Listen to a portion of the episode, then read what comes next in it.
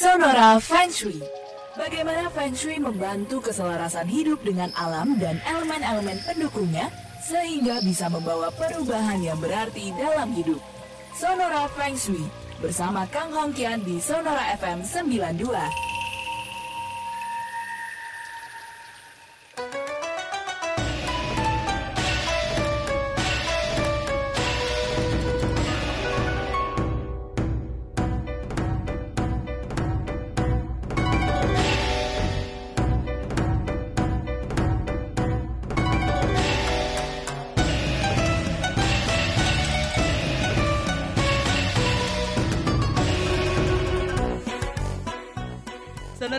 92 Jakarta, part of KG Radio Network. Selamat malam sahabat Sonora untuk Anda nih sahabat Sonora yang gak hanya di Jakarta tetapi juga di Purwokerto, di Yogyakarta, Surabaya, Palembang, Pontianak, dan juga Bali. Kalau sudah pukul 19 malam ya, ini di tiap hari Jumatnya kita ada di program Feng Shui di mana bagi Anda nih yang mau konsultasi seputar dengan Feng Shui langsung aja ya kirimkan ke WhatsApp kami di 0812 112 9200. Dan dengan formatnya ya sahabat Sonora, ini Feng Shui, spasi nama, spasi tanggal, bulan tahun dan juga jam lahir Anda dan juga pertanyaan apa yang ingin Anda tanyakan kepada Pak Kang malam hari ini ya. Kira-kira apakah kita sudah tersambung dengan Pak Kang malam hari ini? Selamat malam Pak Kang. Selamat malam. Selamat. Dengan Juragan Sesa. Dengan Juragan Sesa, benar. Malam hari ini sama Sesa Uli ya Pak ya? Kenapa? Malam hari ini sama Sesa. Oh iya dong. kan Sasa dong. Wow, Sesa Pak ya. Gimana Pak Kang, apa kabarnya? Selalu always dong. Selalu always ya. Wow, agak menjawab tapi enggak juga. Gimana nih Pak malam hari ini sudah siap ya untuk kita ngebacain kira-kira dari pendengarnya Sonora untuk konsultasi ke Pak Kang nih tentang Feng Shui ya? Siap dong. Siap. Nah Pak, tapi sebelum ke sana, saya mau nanya kali ya. Saya ada mau nanya dulu nih. Boleh, Kak, kalau misalnya nih sekarang di tengah pandemi akhirnya banyak hobi baru, banyak juga hobi yang misalnya orang sekarang ini senang nih melihara ikan cupang. Nah, selain ikan cupang ternyata banyak juga dari mereka yang hobi untuk melihara ikan koi nih, Pak. Untuk mereka yang hobi ikan koi ini sebaiknya posisinya di mana sih, Pak? Saya juga senang. Koi. Uh-uh. Tapi sering kali Mhm. Ikan koi itu memang dianggap sebagai ikan pembawa rezeki. Mhm. Nah, saya dengar nggak seperti itu? Iya sih sama, saya juga dengernya gitu, Pak katanya. Itu ya. Mm-mm. bahwa eh, kalau ikan koi itu membesar, Mhm. artinya dia bawa hoki baik. Ah. Tapi kalau ikan koinya kemudian mendadak kenapa-napa mati misalnya, Mhm. itu bawa nasib sial. Ah.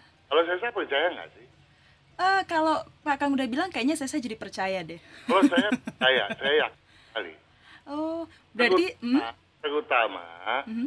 bagi mereka yang hobinya eh, dengan ikan koi import. Ah, beda ya Pak ya? Karena beda. Hmm. koi yang lokal Mhm. itu murah.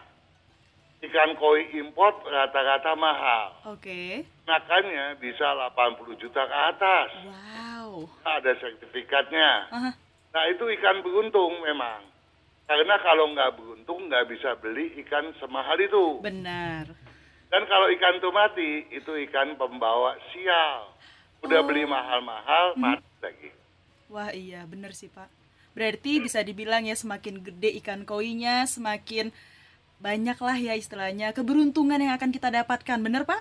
Bisa ngebanggain lagi sama orang. Tuh ikan gua dari kecil, sekarang sudah besar.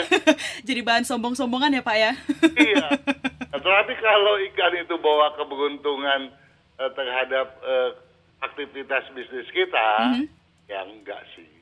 ah, itu dia. Nah, ngomongin ikan koi tadi kalau kan- ditanya itu nyata, Mhm. Fakta atau hoax itu hoax. ah, Pak, Ang, eh, Pak Kang ini masih awal loh padahal. nah, lantas tetapi menjadi beruntung memang Mhm. kalau ada kalau tadi kan saya, saya bertanya Mhm. letakkannya di mana Betul. ya Mhm. ini ini yang bikin orang jadi beruntung atau jadi sial Oke. maka ikan itu ikan koi Mhm. ikan cupang ikan lele sekalipun Mhm. sama aja gitu ya. Nah kalau secara umum nih Sesa Mhm. kalau kita letakkannya di daerah timur ya uh, da- dalam artian sektor timur rumah kita loh ya atau di bagian tenggara. Itu benar. Oh. kenapa bisa jadi benar Sesa? Kenapa tuh, Pak? karena area timur dan tenggara itu secara uh, metode dasar dia adalah tempatnya kayu Mm-mm. nah kayu tumbuhnya pakai apa Penopang ya? pakai ikan Pakai eh ikan. pakai ikan pakai air ya toh Oh. dia nggak tumbuh kan Oh, ya ya ya ya ya ya. piaranya ikan koi ikan koi itu kolamnya nggak bisa kecil sesa Karena- kalau ikan koi itu mau yang bagus hasilnya betul-betul luar biasa Mhm. baik eh, dalam artian sesuai dengan kriteria untuk berlomba misalnya itu kedalamannya aja mesti 2 meter loh Sesa Wow, se-effort itu ya Pak ya untuk bikin Iya. kolam dari ikan koi aja ya? kan luasnya juga nggak bisa kecil Iya benar. ya. Nah, kalau diletakkan pada posisi yang benar, dengan adanya kehidupan di dalam kolam tersebut, maka kayu akan bertumbuh baik. Baik, artinya apa, Sesa? Karena kayu itu mewakili leadership, Mhm. prinsip. Artinya seseorang yang meletakkan eh, akuarium pada timur atau tenggara, terlebih kalau itu adalah kolam. Kenapa? Kalau kita bilang juga kolam, karena kolam eh, pada umumnya lebih besar daripada akuarium dong ya. Mm-mm, benar. Nah, dan kalau eh, kolam lebih besar, dia juga adanya di luar rumah, tidak bisa di dalam rumah. Nah, dengan meletakkan itu, prinsip bertumbuh. Kalau prinsip bertumbuh, artinya apa? Artinya orang yang punya prinsip, dia bisa bergaul dengan baik. Kenapa sih orang punya prinsip bergaul dengan baik? Karena dia punya pijakan untuk dia berpikir. Orang yang punya prinsip kan nggak gampang terbawa oleh opini orang lain. Mhm. Ya, kalau misalnya Tesa diiming-imingi oleh sesuatu, kemudian nurut gitu, sampai akhirnya diajak berbuat yang tidak eh, sesuai kaidah, itu berarti kan nggak punya prinsip dong, Benar. ya. Ya. Nah, orang itu butuh kolam di area timur atau Tenggara. tenggaranya supaya prinsipnya bertumbuh. Nah, kalau nggak ada prinsip, nggak ada leadership, orang juga kan nggak bisa bisnis. Iya. Ah. Jangankan bisnis, Sesa. Heeh. Bergaul aja juga takut dia. Ah. Jadi kalau kita lihat ada anak ya, Mhm. diem di di pojokan gitu ya, Mhm. eh, nggak mau bermain. Itu umumnya dia tuh nggak punya leadership, nggak punya kayu dalam hitungan feng shui Ah, gitu. Oke. Jadi kita perlu khawatir dan biasanya sebagai parameter juga nih, Mhm. dia lahirnya tuh udah kena kuning. Dan kalau dia sudah eh, kuning cuma cukup dijemur, Mhm. berarti mungkin dia punya sekitar 50% kayu di badannya, Oh. di dalam karakter kelahirannya. Mhm. Tetapi kalau kemudian dia itu kuning sampai harus dimasukkan inkubator, biasanya kayunya 0% tuh. Atau 5% saja gitu. Oh. Jadi dia lemah sekali. Mhm. Itu juga parameter buat orang tua. Hati-hati. Kalau ada anak yang lahirnya kuning, Mhm. kita harus bimbing dia juga nih. Selain kita jaga, jangan sampai kalau udah kuning itu kan orang suka bilang jemur aja. Kalau udah jemur juga selesai. Iya. Kan, padahal kalau kuning kan berarti levelnya kurang bagus loh ya. Iya sih, iya. iya. Uh, wow, merembetnya jadi agak panjang nih ya Pak Kang ya. kita mesti jaga tuh. Nah, kemudian kita juga mesti lihat anak ini nanti bergaul apa enggak gitu. Hmm. Bisa aja dia bergaul, tapi sebagai pengikut, pengekor. Nah, kalau sebagai pengekor ketemu temen yang brengsek, jadi brengsek dia. Iya, benar-benar. Ya. Nah, kemudian dia udah dewasa nih. Banyak orang bertanya, Pak Kang, jodoh saya bagaimana? Ternyata dia nggak bergaul. Kapan dia bisa dapat jodoh? Jadi salah satu kendala juga ya Pak ya? Jadi kendala. Nah ini makanya pertanyaan saya itu penting bahwa kita perlu. Namun kalau tadi kita kembali kepada ikan koi ya, ikan koi pasti di kolam. Ya. Karena nggak ada orang piara ikan koi di akuarium Sesa. Kenapa? Karena bisa jadi gede banget ikan koi. Bukan. Bukan. yang yang yang yang gede banget itu ikan gabus Thailand ya. Agak beda ya Pak ya. Ini banyak banget kuisnya. Kalau ikan koi itu ya enaknya dilihat dari bagian atasnya, Cesa. Coraknya ya Pak ya. Betul. Mhm.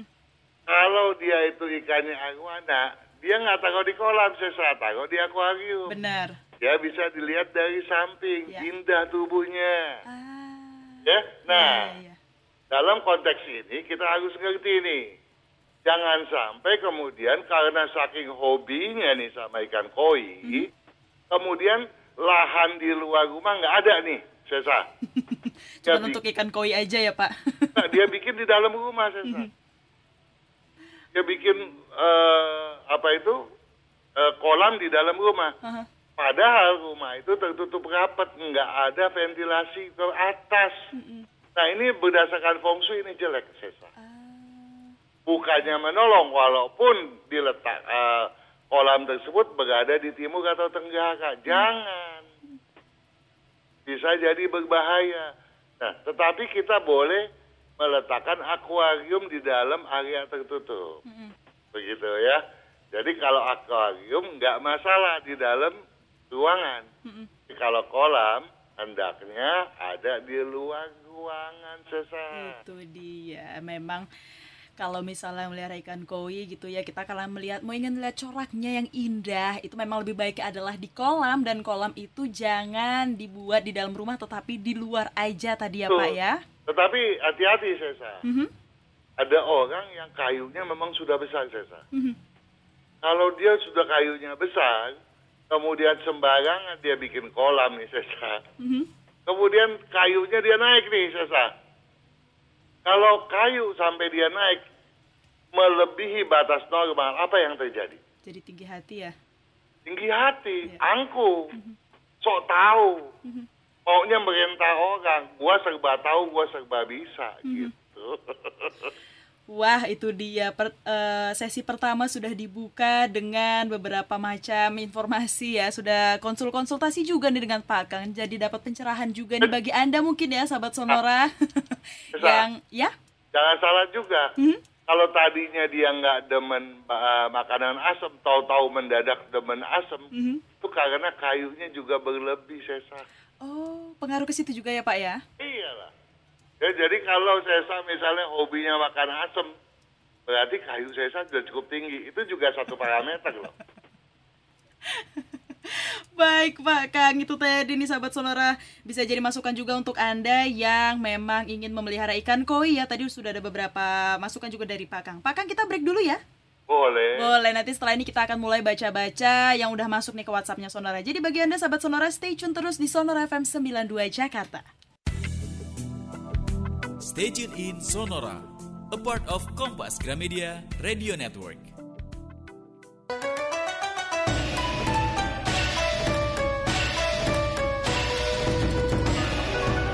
Sonora FM 92 Jakarta, part of KG Radio Network. Pak Kang, Ya, kita langsung aja ya Pak Kang ya, langsung Oh. jawabin WhatsAppnya yang udah masuk nih dari sahabat Sonora di 0812-112-9200. Ini yang pertama ada dari Hendik Stanto nih Pak.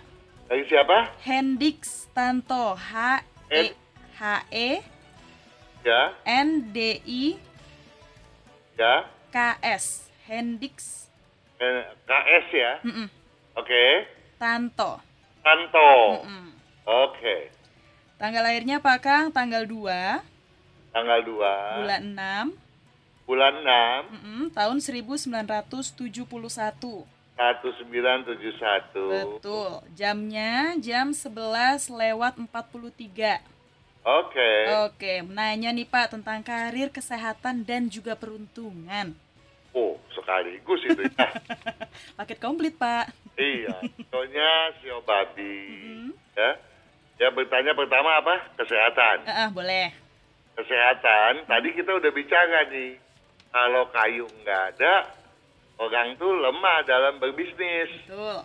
Nah, kayunya juga Gun Hendrix lemah. Ah. Gitu ya. mhm. Nah, bagaimana meningkatkannya?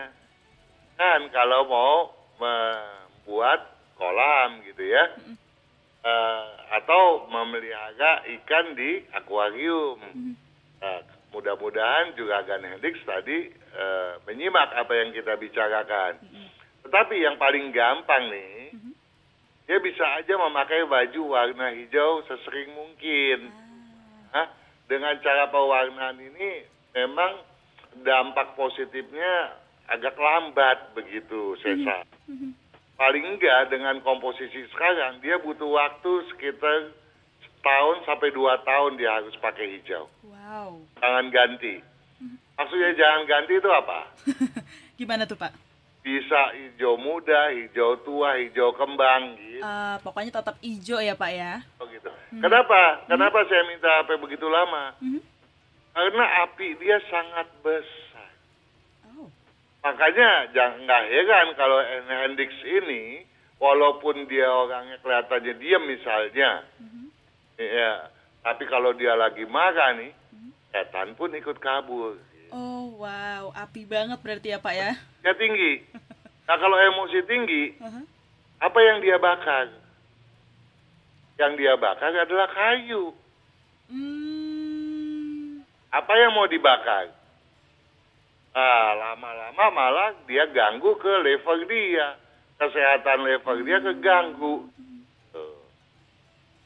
Ya, jadi tadi kan dia bertanya juga kesehatan kan? Mm-mm, benar. Nah, jadi saya khawatir Hendrix waktu lahir pun sudah kuning gitu ya.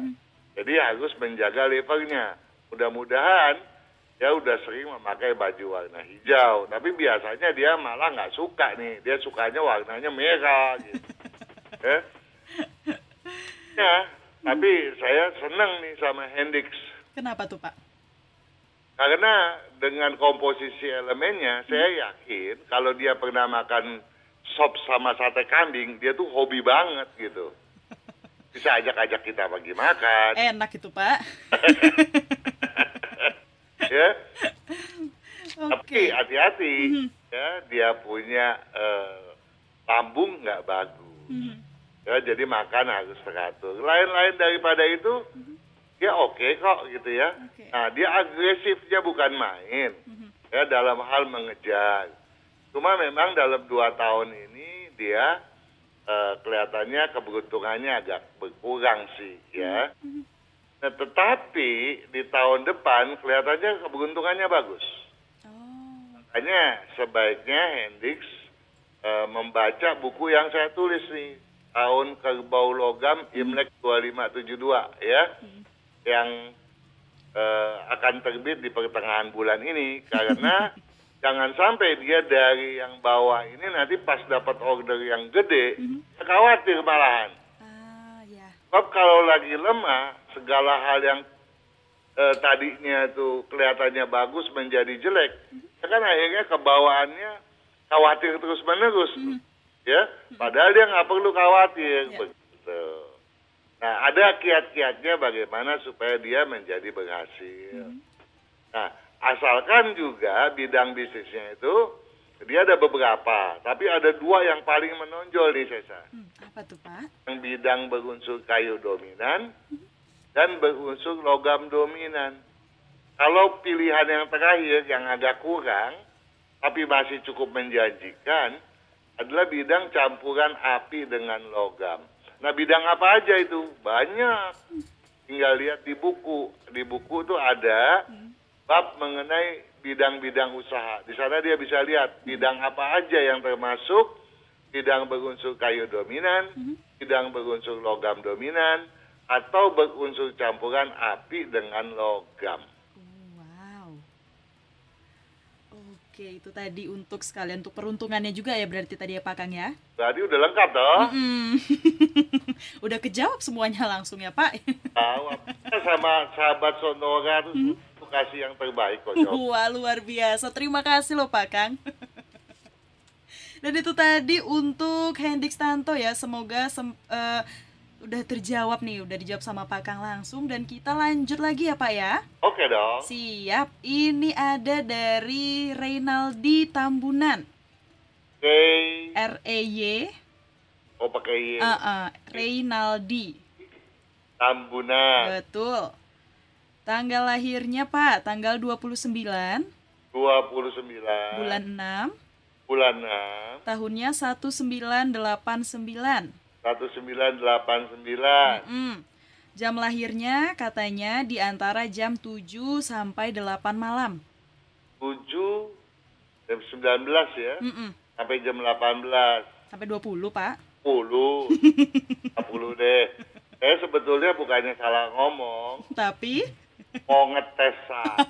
Ah, siap, Pak. Padahal sih memang Padahal salah. memang salah. Pertanyaannya nih, Pak. Ya, Pekerjaan apa yang cocok dengan saya? Karena sampai sekarang saya belum ada pekerjaan yang tetap. Kemudian juga nanya jodoh sama rejeki saya, Pak, ke masa-masa yang akan datang. oke. Ya, kalau kita bicara rezeki masa panjang, sebetulnya rezekinya eh, Reynaldi ini nggak jelek loh ya. Eh, eh, eh, dia memang mesti agak eh, jauh dari keluarga, dari orang tua, dia baru bisa mandiri. Ini kalau dari komposisinya nih ya. Tetapi terlepas daripada itu, dia pun masih bisa untuk meningkatkan eh, potensinya, asalkan pertama dia tuh tadi seperti Hendrix juga ternyata, ya emosinya tinggi tapi tidak seemosionalnya Hendrix, Oke. tapi kayunya juga lemah. Nah kalau kayunya lemah, tadi kita udah bilang kalau mau cari jodoh bagaimana nih? kan? Iya. Nah, sekarang betul-betul ditanya bagaimana jodohnya. Nah, itu dia. Apalagi dia punya dominan, itu api dengan logam. Artinya apa tuh? Coba, artinya apa Cesa? Wow, langsung ditembak ya saya Pak ya. Apa? langsung ditembak saya pertanyaannya ya. Iya, artinya Hendrix ini ke- selain keras kepala bisa arogan. Renaldi Pak. Iya, Renaldi. Tadi saya bilang siapa? Hendix. Hendrix. Oh, sorry, Hendrix. Renaldi. Silakan Pak. Tuh, udah dua kali saya Dua kali. ya. Nah, dan satu hal lagi, saya mau minta tolong sama Renaldi. Benar. Selain pakai baju warna hijau sama tahun atau dua tahun, saya minta tolong Renaldi untuk mengurangi makanan yang manis-manis. Dia hobi manis. Uh.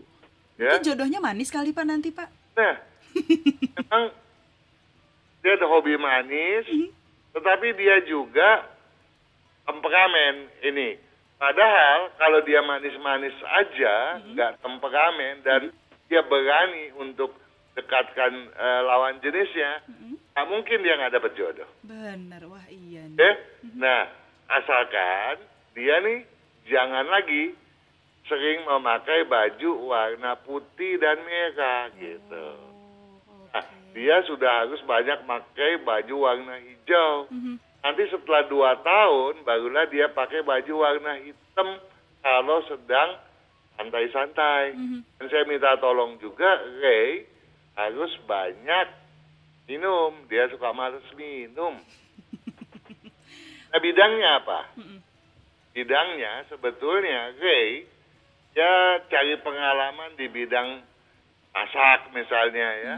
Kalau di bidang pastry, dia di dua bidang itu luar biasa loh. Oh. Ya. Jadi kalau Renaldi masak, wah, saya sih seneng. Kalau dia mau bawain saya sih tolak. Dia pandai masak, ya. Nah, tetapi memang agak manis sih masakannya. Tetapi ya sebelum dia memakai baju eh, dua tahun, dia jangan mulai bisnis dulu deh. Oke. Padahal di tahun depan dia punya peluang untuk membuka perusahaan bagus. Mhm. Tuh, ya boleh. Ya, mau coba-coba di bulan de- di tahun depan memulai, silakan gitu ya. Oke. Nggak ada masalah gitu ya. Bahkan di bulan ini boleh aja. Tapi ya dia harus eh, lihat di buku bidang bisnis berunsur kayu dominan itu yang pilihan pertama atau bidang berunsur api dominan. Oke. Wah, itu dia ya. Semoga menjadi catatan juga nih tadi untuk Renaldi Tambunan ya, Pak ya. Betul, kayak di Tambunan. Bukan Hendix. Baik, Pak, kita break dulu ya, Pak ya. Stay tuned to Sonora, a part of Kompas Gramedia Radio Network.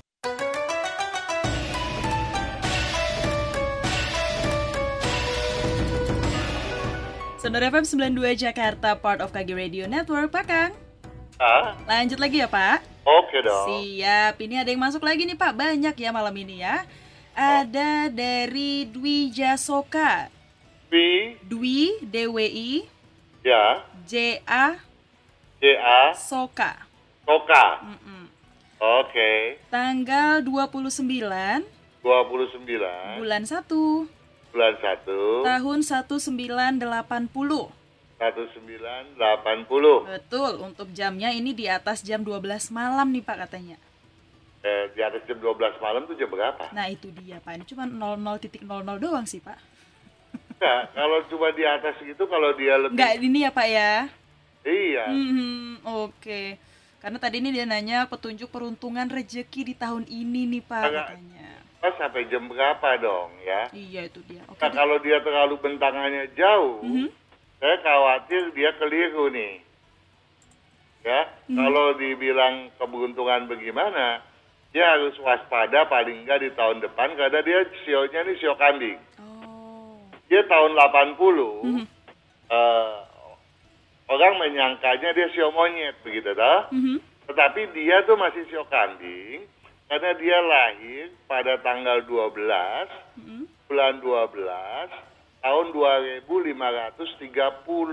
Itu Imleknya. Heeh. Dia masih sio kambing dan sio kambing di tahun depan lagi ciong harus hati-hati. Paling itu yang bisa saya kasih tahu dulu. Oke. Karena kalau jamnya eh, terlalu melebar, saya khawatir malah keliru nantinya. Oke, siap Pak. Itu tadi. Semoga tadi sempat menjawab juga ya untuk Bapak Dwi Jasoka tadi ya. Oke Pak, kita ke lanjut yang lain ya Pak ya. Oke, Siap. Ini ada dari Lim Chiao Liak. Lim, Lim ya, Chiao C I A U K I A U Liak L I A K. L I A K, Mm-mm. Lim Chiao Liak. Betul. Oke, Tanggal lahirnya 7 Agustus. tanggal 7 bulan 8. Betul, 1979.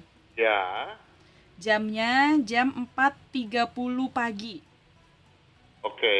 Oke, kemudian ini juga ada tanggal lahir istri nih, Pak. Namanya? Ih, namanya nggak ada ini. Cuman ngasih tanggal lahirnya. Ya lain kali harus ada nama Itu istri ya. dia. Oke, eh, ini mungkin Sasa mau bacain untuk pertanyaannya aja kali ya, Pak ya. Oke. Eh, Pak Kang, saya mau bertanya nih, usaha apa yang cocok?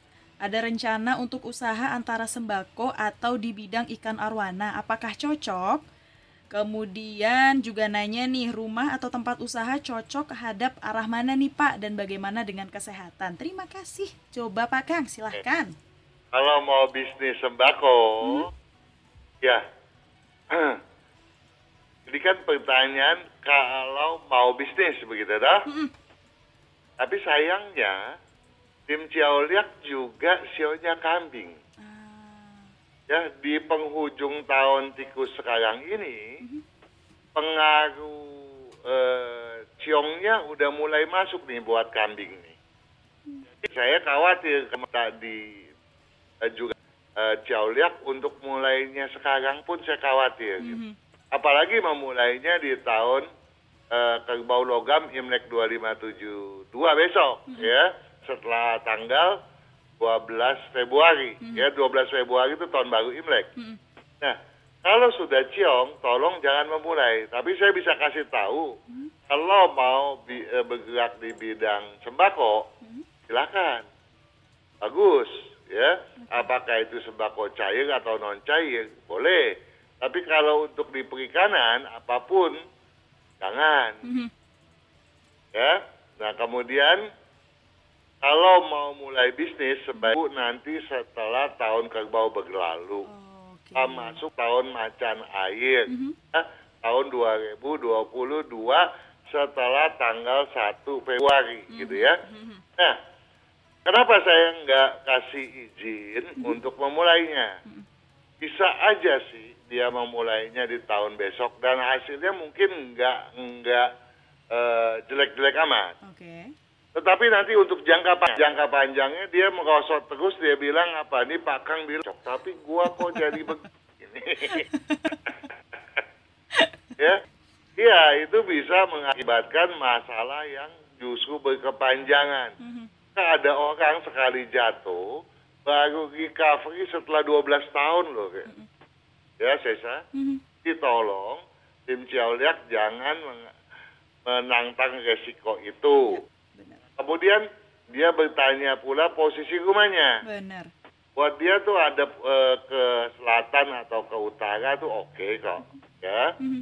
Nah kemudian apa sih yang harus dijaga? Nah sekarang kan lagi masanya COVID nih. Benar. Eh, Lim Siauliak, saya minta tolong jaga betul-betul kesehatannya. Kenapa? Karena COVID kan nyerangnya paru ya. Iya. Kalau saya nggak salah loh ya. Dan dia punya paru memang nggak bagus loh. Dia punya paru, dia punya tulang, dia punya tenggorok gitu ya. Mhm. Dan lebih-lebih dia hobinya makan daging bakar tuh. Oh. Ya, saya minta tolong dikurangi. Banyak makan sayuran deh, ya. Ya, jadi jangan sampai nanti eh, penyakitnya jadi meluas. gitu. Mhm. Mhm. Tolong itu tulang-tulang, jangan keluyuran di hawa dingin. Dia punya tulang nggak kuat dan jaga jangan sampai kena rematik, gitu ya. Ah, ya. Hmm. Kemudian saya mi- juga minta tolong supaya eh, banyak minum Mhm. dan mengurangi yang manis-manis. Wah, yang manis-manis nih emang dosa ya, Pak ya? Karena dia hobinya bukan main sama yang manis. wow. Dan bagusnya Mhm. berharap Lim Jiauliak memang Mhm. Ya orangnya demen di rumah sih, Mhm. keluyuran gitu. Oke, wow itu dia. Sekali keluyuran mungkin dia jauh gitu begitu. Jadi itu yang harus dihati-hati sebenarnya ya Pak ya. Memang orangnya nggak nggak sering keluar nih, tapi sekalinya keluar langsung jauh gitu ya. Khawatirnya seperti itu. Oh, ada kecenderungannya. Eh, dan dia memang orangnya agak disiplin gitu ya. Itu yang itu yang kita eh, harapkan dia betul-betul jagalah. Oke siap. Ada lagi mungkin Pak Kang? Saya pikir semua yang dia tanya udah saya jawab. Udah dijawab semua ya tadi untuk Lim sampai lupa tadi saya salah siapa namanya. Siauliak. Itu dia. Wah, sekarang gantian nih saya yang lupa nih, Pak. Siap. Pak Kang ini break lagi ya. Siap sahabat Sonora tetap stay tune terus ya di Sonora FM 92 Jakarta. Stay tuned to Sonora, part of Kagi Radio Network.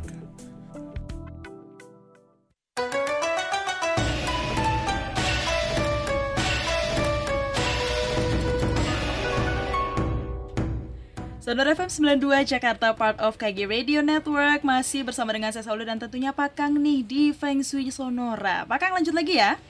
Ya, tapi sebelum lanjut, Ah, ah.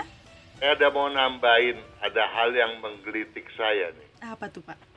Tadi saya bicara untuk eh, Reynaldi Tambunan? Tambunan. Mm-mm. Saya minta dia jauh dari orang tua. Jangan diterjemahkan oleh Reynaldi tidak hormat dan tidak sayang orang tua. ya. Yang saya maksudkan supaya kemandiriannya mencuat ke permukaan. Hingga eh, kalau dia jauh dari orang tua, kemudian daya daya dorongnya itu jauh lebih tinggi buat Ray. Jadi Ray jangan salah persepsi untuk hal itu. Tadi dia nggak sayang orang tua, saya yang salah lagi. sayang orang tua adalah satu eh, kepatutan yang tidak boleh tidak. Itu adalah satu keniscayaan dan keharusan. Itu dia Pak, benar. Siap, semoga ini Renaldi Tamunan semoga masih mendengarkan ya, jadi nggak salah paham ya Pak ya. Betul. Siap. Oke Pak, kita lanjut boleh ya? Oke dong. Siap. Ini ada yang masuk lagi nih Pak. Namanya Heri, H E R Y, H E R Y. R Y. Oke. Tanggalnya tanggal 3 Tanggal 3 bulan 12 bulan 12 tahun 1977. 1977 Mm-mm. Jam lahirnya jam 8 malam Pak Kang. Jam 20. Betul. Saya mau nanya nih Pak, rumah yang terbaik ini hadap mana? Terus bagaimana melihat unsur orang dari tanggal bulan dan jamnya Pak Kang gitu. Sekolah dong ya. Hmm? Sekolah dong. Siap Pak Kang. Ya jadi eh, di Amerika ada sekolahannya. Mhm. Di Australia juga ada. Ah, sempat ada berapa kali untuk memberikan penjabaran mengenai prakteknya di sana, ya. Dan di eh, di di Cungko juga ada. Jadi kalau berminat untuk itu ya belajar Sekolah ya Pak ya? sekolah karena itu ma- matematika ya belajar. Dan kalau saya mengajarkan di sini, nanti saya dimaki-maki sama penanya yang lain. Karena banyak itu yang harus dipelajari. Bener, bener banget. Kompleks ya Pak ya? Betul. Semacam gado-gado.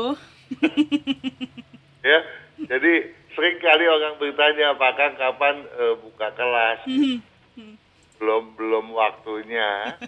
ya, eh, saya ya mungkin nantilah satu ketika kalau eh, udah ada ada banyak kesempatan untuk itu. Oke, sabar dulu berarti ya Pak ya? Eh, eh, tadi pertanyaannya apa lagi? Tuh sampai lupa tuh Pak Kang. Tanya rumah Pak yang terbaik hadap mana?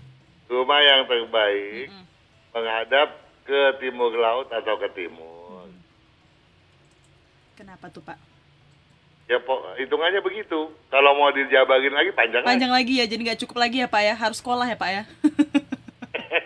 Ada gini, kita belajar nih. Mhm, Paling gampang nih, eh, Sesa. mhm.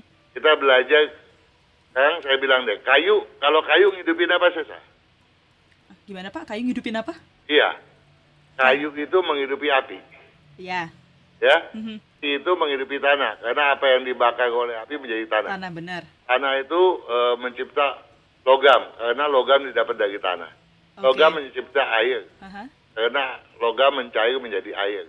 Air kemudian menghidupkan kayu. mhm. Nah, kemudian kayu, ya, dia mengekang tanah. Mhm, Nah, kemudian mengekang air. mhm, Air mengekang api. mhm. Api mengekang logam. Logam mengekang kayu. Ya. Nah, dari sini ma- masih gampang nih, Tessa. Ada yang ribetnya lagi di belakangnya ya Pak ya? Nah, pengekangan terbalik, pengekangan meningkat, reduksi. Wah, saya pernah begini, Sesa. Di seminar nih, Mhm, Makang jangan cuma ngomong yang eh, yang umum, mhm, kemudian setiap orang seperti kita ini tanya jawab begini, mhm. dong dong ilmunya katanya. Eh, Karena di dia tuh ngotot, Heeh, saya kan tadi disangkanya pelit gitu ya. mhm. Saya bilang siap nggak eh, audiens? Semuanya siap katanya. Oke ya, saya jelasin saya. sa- Mhm, 15 menit saya balik kan itu waktu jelasinnya pakai papan tulis tuh ya. mhm. Saya balik tidur desa semua. Yang melotot cuma dua tiga orang. Itu dia, jadi memang harus sekolah nih, nggak bisa cuman dari sini aja ya Pak ya, nggak bisa cuman dalam waktu singkat memang ya. Bisa ya. Kalau nggak salah sahabat saya di Beijing bilang dia eh, di sana ada sekolahan untuk kurikulumnya lima tahun atau enam tahun. Wow, lama ya Pak ya. Iya. Tapi ya udahlah mungkin sekarang di Feng Shui ini kita jawabin aja lagi ya Pak ya pertanyaannya yang masuk ini ya. Oke. Karena nggak bisa dalam waktu singkat tadi kata Pak Kang. Selanjutnya nih Pak, ada dari Yurita. Y Y U R I EA. T A betul. Tanggalnya 16 Juni 16 Juni 1964. 1964. Jamnya jam 12 siang, Pak. 1964 ya. Mm-mm. Jam berapa? Jam 12 siang. Jam 12 siang. Mau nanya tentang keberuntungan dan juga kesehatan nih gimana, Pak? Keberuntungan. Mhm. Keberuntungan bagus. Oke. Ada yang jelek lah keberuntungan sepanjang kita tahu caranya gitu ya. Mhm. Karena selama ini orang beranggapan bahwa kalau berbicara ramalan adalah sesuatu harga mati. Mhm. Mhm. Kalau bilang, eh Sesa, kamu nanti pasti jadi orang kaya. Mhm. Pasti kaya kah? Tuh. Ya. Oh pasti jadi orang susah diramal begitu. Tentu. Nah selama ini memang, saya minta maaf loh ya, Mhm. banyak banyak praktisi yang suka nakut-nakutin gitu. Hmm, Dan ramalan itu dibuat untuk dicari tahu dan mencari tahu jalan keluarnya. Mhm. Begitu. Benar. Jadi setiap orang itu punya celah, punya cara. Bagaimana kita tahu? Misalnya seseorang itu eh, nggak maju-maju. Mhm.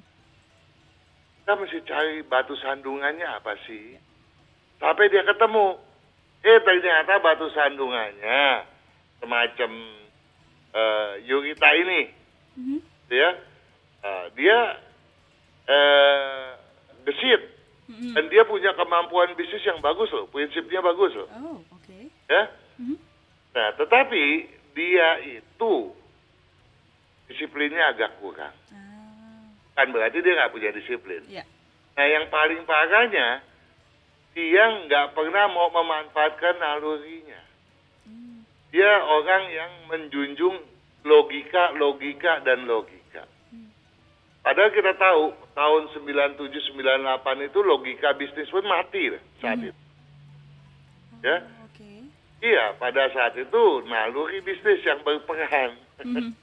Saya waktu itu ingat benar mengisi acara di mana itu. Mhm. Saya ditanya di seminar sama seorang ekonom. Mhm. Apa yang Pak Kang bilang begitu dasar ekonominya di mana? Dia bilang. Kenapa bisa bilang teori ekonomi mat bakal mati? Mhm. Saya bilang Pak, kalau saya harus berbicara dari sudut pandang ekonomi, Mhm. panggil saya praktisi feng shui atau ramalan.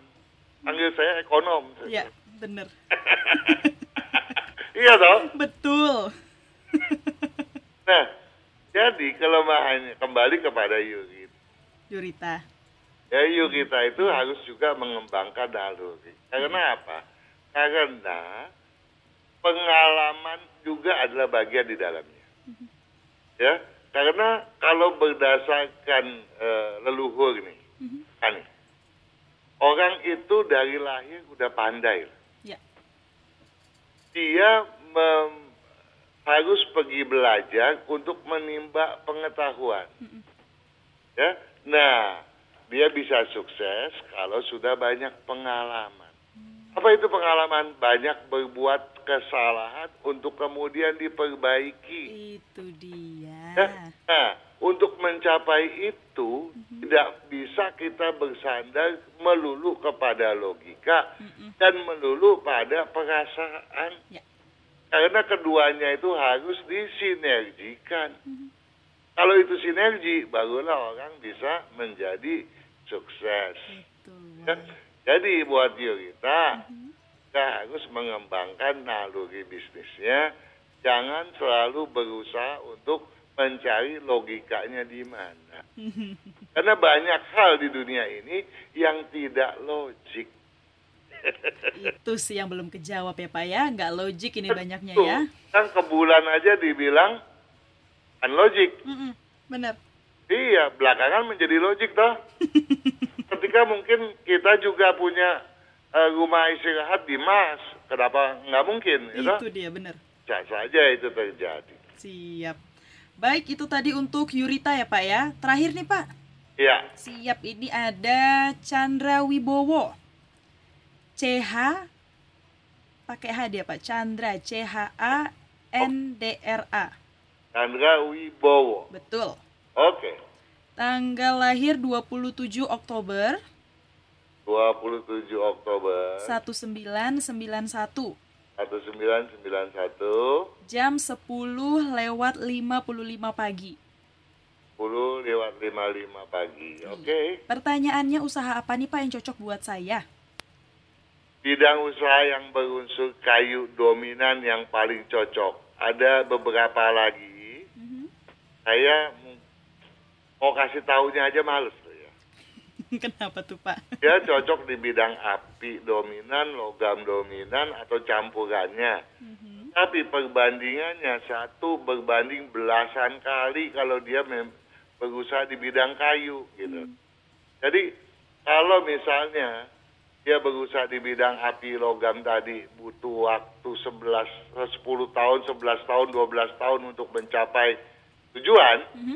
Ya kayu dia dapat setahun aja dia udah mencapai tujuan. Jadi ke- percepatannya kan lumayan. Nah. Ya. Nah kalau percepatannya lu, luar biasa seperti itu, apa saya mesti kasih tahu yang lambat gitu? Hmm, ya benar benar benar. ya.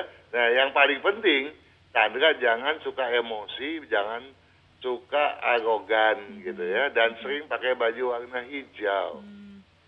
Tahun ini banyak ya Pak yang harus pakai baju warna hijau. Iya kebetulan tadi Yurita itu dia nggak perlu karena dia memang siap untuk memimpin gitu. Oke. Cuma kalau misalnya kita kaitkan dengan eh, perjodohan sebaliknya, dia kan wanita tuh yuk kita. Kalau eh, kemudian suaminya eh, kemampuan eh, leadershipnya rendah gitu, nah bisa-bisa tuh suami kemudian tiap hari eh, didikte sama dia gitu. Nah, ini yang jangan terjadi gitu toh. Ya. Siap berarti untuk yang Chandra Wibowo tadi udah ya Pak ya dari Pak Kang ini ya. Iya dong, Siap. kayu dominan. Oke, kayu dominan tadi ya Pak ya. Baik. Nah, ini Pak Kang udah pukul 8 nih Pak. Udahan nih berarti kita ya. Cepet banget ya. Cepet banget. Kita tambah lagi apa gimana nih Pak? Tapi terima kasih Pak Kang. Yang- Tadi udah ngebacain juga beberapa WhatsApp dari pendengar Sonora ini ya. Dan semoga untuk Anda sahabat Sonora yang tadi sudah sempat dibacakan oleh Pak Kang. Ini sempat dicatat-catat juga ya. Kita ketemu lagi nih Pak Kang di Oh. minggu depan. Mudah-mudahan dapat dicerna dengan baik. Itu dia tidak salah paham ya Pak ya pastinya. Siap, terima kasih Pak Kang. Sehat-sehat terus ya. Iya. saya selalu selamat malam. Selamat malam.